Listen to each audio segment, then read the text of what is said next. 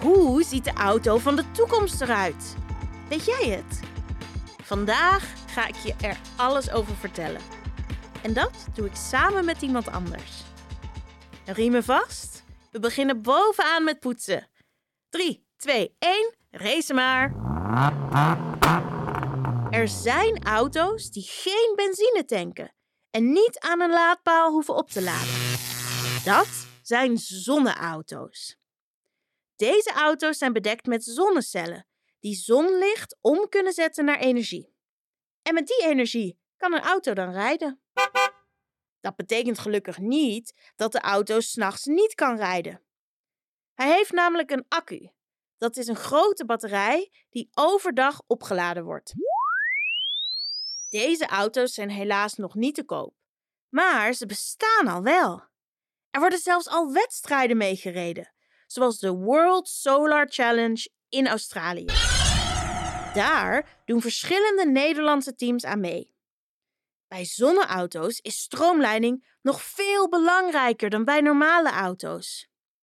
Luc van Solar Team Twente vertelt je wat meer over de zonneauto's en waarom stroomleiding zo belangrijk is.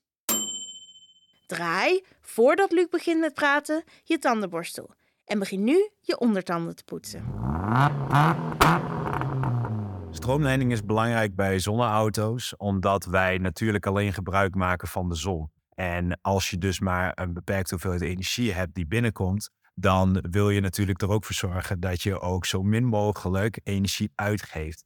En een hele grote bijdrage aan hoeveel energie we uitgeven is de weerstand van de auto, de luchtweerstand. En daarbij komt uh, stroomleiding om de hoek kijken om ervoor te zorgen dat we die weerstand zo ver mogelijk kunnen minimaliseren.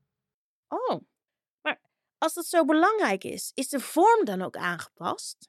De vorm van de zonneauto zoals wij hem eigenlijk altijd ontwerpen is van vroeger uit heel erg gebaseerd op uh, zweefvliegtuigen. Zij moeten natuurlijk ook met heel weinig energie zo ver mogelijk kunnen komen. En als je kijkt naar de zonneauto's, dan zie je eigenlijk dat iedere vorm, zoals een wielkap of vleugel, waar dus de zonnecellen op liggen, of de canopy waar de coureur in zit, dat zijn eigenlijk allemaal vleugels die allemaal zo ontworpen zijn dat de stroming zo lang mogelijk laminair blijft en daarmee eigenlijk de energieuitgaven zo laag mogelijk kunnen zijn.